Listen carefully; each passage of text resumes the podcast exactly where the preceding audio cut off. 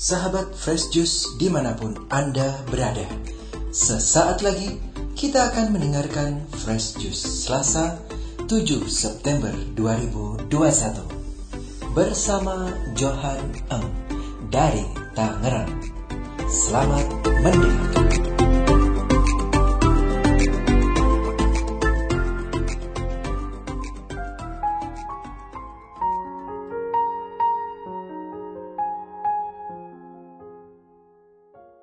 Sampai jumpa lagi para sahabat Fresh semuanya. Saya Johan Eng dari Tangerang.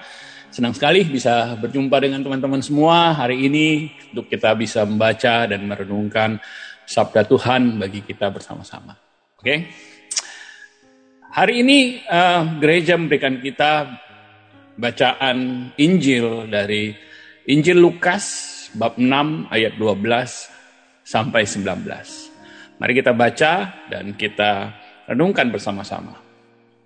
Pada waktu itu, pergilah Yesus ke bukit untuk berdoa dan semalam-malaman ia berdoa kepada Allah. Ketika hari siang, ia memanggil murid-muridnya kepadanya, lalu memilih dari antara mereka 12 orang yang disebutnya rasul. Simon yang juga diberinya nama Petrus dan Andreas saudara Simon, Yakobus dan Yohanes, Filipus dan Bartolomeus, Matius dan Thomas, Yakobus anak Alfeus, dan Simon yang disebut orang Zelot, Yudas anak Yakobus, dan Yudas Iskariot yang kemudian menjadi pengkhianat. Lalu ia turun dengan mereka dan berhenti pada suatu tempat yang datar. Di situ berkumpul sejumlah besar dari murid-muridnya dan banyak orang lain yang datang dari seluruh Yudea dan dari Yerusalem dan dari pantai Tirus dan Sidon. Mereka datang untuk mendengarkan dia dan untuk disembuhkan dari penyakit mereka. Juga mereka yang dirasuk oleh orang roh-roh jahat beroleh kesembuhan. Dan semua orang banyak itu berusaha menjamah dia karena ada kuasa yang keluar daripadanya dan semua orang itu disembuhkannya. Demikianlah Injil Tuhan kita. Terpujilah Kristus. Sahabat Yesus yang terkasih, bacaan Injil pada hari ini menceritakan bagaimana Yesus dalam memulai pelayanannya. Pertama-tama, penginjil Lukas mencatat bagaimana dia berdoa dan memilih kedua belas rasulnya. Kedua belas rasul ini akan akan menjadi sosok yang penting. Uh, harusnya mereka orang-orang yang spesial kan. Bahkan Yesus pakai berdoa semalam-malaman ya sebelum memilih 12 orang ini. Harusnya mereka orang-orang yang terpilih yang Pasti ada alasan mengapa Yesus memilih mereka. Mungkin mereka pintar, mungkin mereka uh, punya kemampuan manajemen, mungkin mereka punya kemampuan kepemimpinan yang luar biasa, mungkin mereka bisa mempengaruhi orang dengan luar biasa. Harusnya seperti itu. Sahabat Yesus yang terkasih, kalau saya yang harus memilih tim saya gitu ya, tentu kita akan pilih orang-orang yang uh, yang yang yang spesial dong, ya, yang punya kemampuan lebih daripada orang lain dong, eh, yang punya uh, ke, ke nilai tambah kan gitu, ya kan? Yang kita yang kita nggak akan pilih yang biasa-biasa, apalagi Yesus memilih orang-orang ini. Dia tahu ini adalah rasul-rasulnya, harusnya seperti itu. Tapi kalau kita renungkan para, para sahabat Festus semua, 12 orang ini ternyata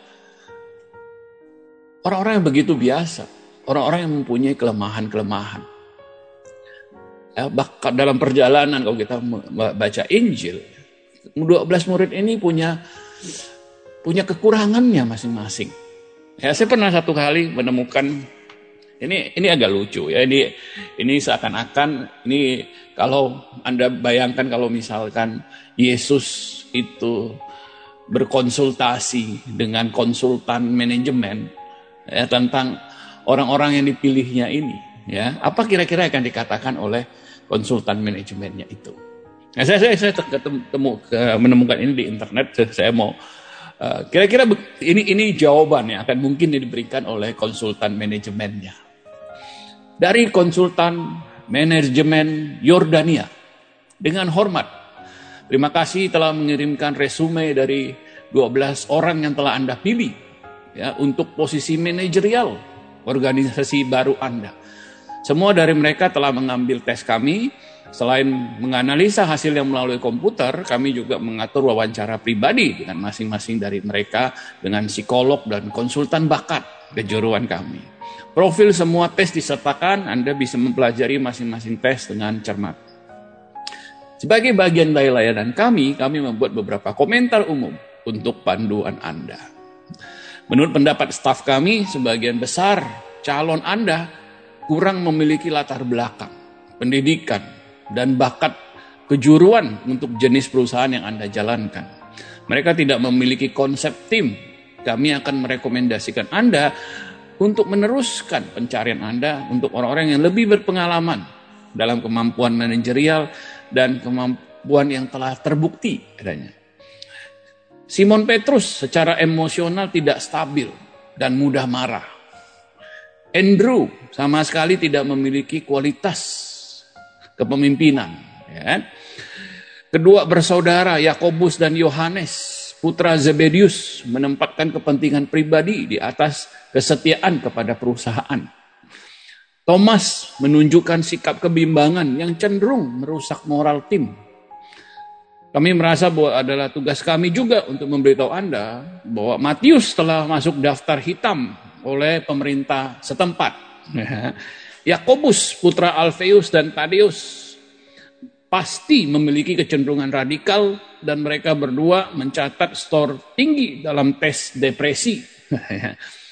Salah satu kandidat yang menunjukkan potensi besar, dia adalah orang yang memiliki kemampuan dan akal, kemampuan bergaul yang baik, memiliki pikiran bisnis yang tajam, dan memiliki kontak dengan para pejabat dia sangat termotivasi, ambisius, dan bertanggung jawab.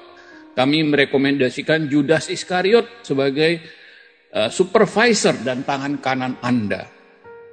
Semua profil lainnya cukup jelas. Kami berharap Anda sukses dalam usaha baru Anda. Salam hormat. Konsultan Manajemen Yordania. Mungkin kira-kira begini teman-teman ya. Kalau kalau Yesus ya bertanya pada konsultan manajemen ya, tentang murid-murid yang dipilihnya menjadi para rasul ini. Dan kita tahu memang dalam perjalanannya ya di dalam Injil kita baca bahwa semua murid-murid ini memang memang punya kelemahan. Oke, Simon, Simon yang ragu-ragu, gitu kan? Petrus yang pemarah memang gitu kan? Ya, dan dan setiap rasul-rasul itu punya kelemahannya masing-masing. Yesus tidak memilih orang-orang sempurna. Bahkan untuk dijadikannya para rasul. Yesus memilih kita juga yang memiliki kelemahan. Dan kita tahu kelemahan-kelemahan kita. Dan mungkin sering kali kita merasa putus asa dengan kelemahan kita. Kita sering kali merasa bahwa kita tidak layak untuk menjadi murid Yesus. Tidak layak apalagi untuk melayani Yesus. Tidak layak untuk bahkan dikenal sebagai pengikut Yesus. Kita punya kelemahan kita. Seperti para murid juga. Tapi Yesus tidak memilih orang yang sempurna. Yesus memilih orang-orang seperti kita untuk hari lepas hari disempurnakan. Untuk orang-orang seperti kita yang punya kelemahan, supaya kita boleh membawa kelemahan kita, kita boleh membawa ketidakberdayaan kita kepada Yesus. Dan kuasa Yesus menjadi nyata di dalam kelemahan kita. Saya percaya Yesus bisa saja memilih orang-orang yang ternama, orang-orang yang eh, jelas-jelas uh, punya kemampuan lebih, jelas-jelas punya bakat lebih. Yesus bisa saja memilih mereka. Tapi kalau orang-orang itu yang dipilih, maka Orang-orang itu akan berkata bahwa karena karena kemampuan mereka lah, karena kehebatan mereka lah, karena apa yang mereka mampu lakukan lah, maka terjadi karya-karya besar. Tapi Yesus sengaja memilih para rasul yang punya banyak kelemahan. Sehingga kita bisa tahu bahwa kalau ada karya-karya besar, kalau dari 12 orang kemudian hari ini kekristenan, ajaran Yesus mengubah seluruh dunia, itu bukan karena kedua belas rasul yang penuh kelemahan ini, tapi karena kuasa Yesus dalam diri mereka. Justru karena kuah kita lemah, maka kuasa Tuhan akan menjadi nyata. Ketika kita sombong, ketika kita mulai berpikir kita punya banyak bakat, punya banyak kemampuan, ketika kita mengandalkan diri kita dan tidak lagi mengandalkan Tuhan, maka Tuhan tidak bisa lagi melakukan karya-karya besar di dalam diri kita. Sahabat Yesus yang terkasih, mari kita berdoa supaya kita selalu ingat bahwa kita seperti para rasul punya banyak kelemahan. Mari kita bawa kepada Tuhan dan minta Tuhan untuk pakai kelemahan kita sehingga boleh kuasanya menjadi nyata di dalam kelemahan-kelemahan kita. Mari kita berdoa. Dalam nama Bapa dan Putra dan Roh Kudus. Amin. Allah Bapa yang baik, Tuhan Yesus memilih 12 rasulnya. Bukan orang-orang sempurna, tapi orang-orang yang penuh kelemahan. Kami juga penuh kelemahan. Kami datang kepadamu, mau memberikan diri kami seperti para muridmu, seperti para rasul. Engkau berkuasa Engkau mampu memakai kami dalam kelemahan kami, dalam keterbatasan kami. Asal kami mau menyerahkan diri kami, asal kami mau mengizinkan Engkau Tuhan memakai diri kami. Hari ini sekali lagi kami kembali menyerahkan diri kami padamu Tuhan. Untuk kau pakai sesuai rencanamu. Amin. Dalam Bapa dan Putra, Roh Kudus. Amin. Sahabat Yesus yang terkasih, sekali lagi mari kita berikan diri kita untuk kemuliaan Tuhan, berikan diri kita dengan segala keterbatasan, dengan segala kelemahan kita untuk dipakai oleh Tuhan. Untuk kemuliaan Tuhan. Amin. Sampai jumpa lagi dalam Daily Fresh berikutnya. Tuhan berkati. Amin.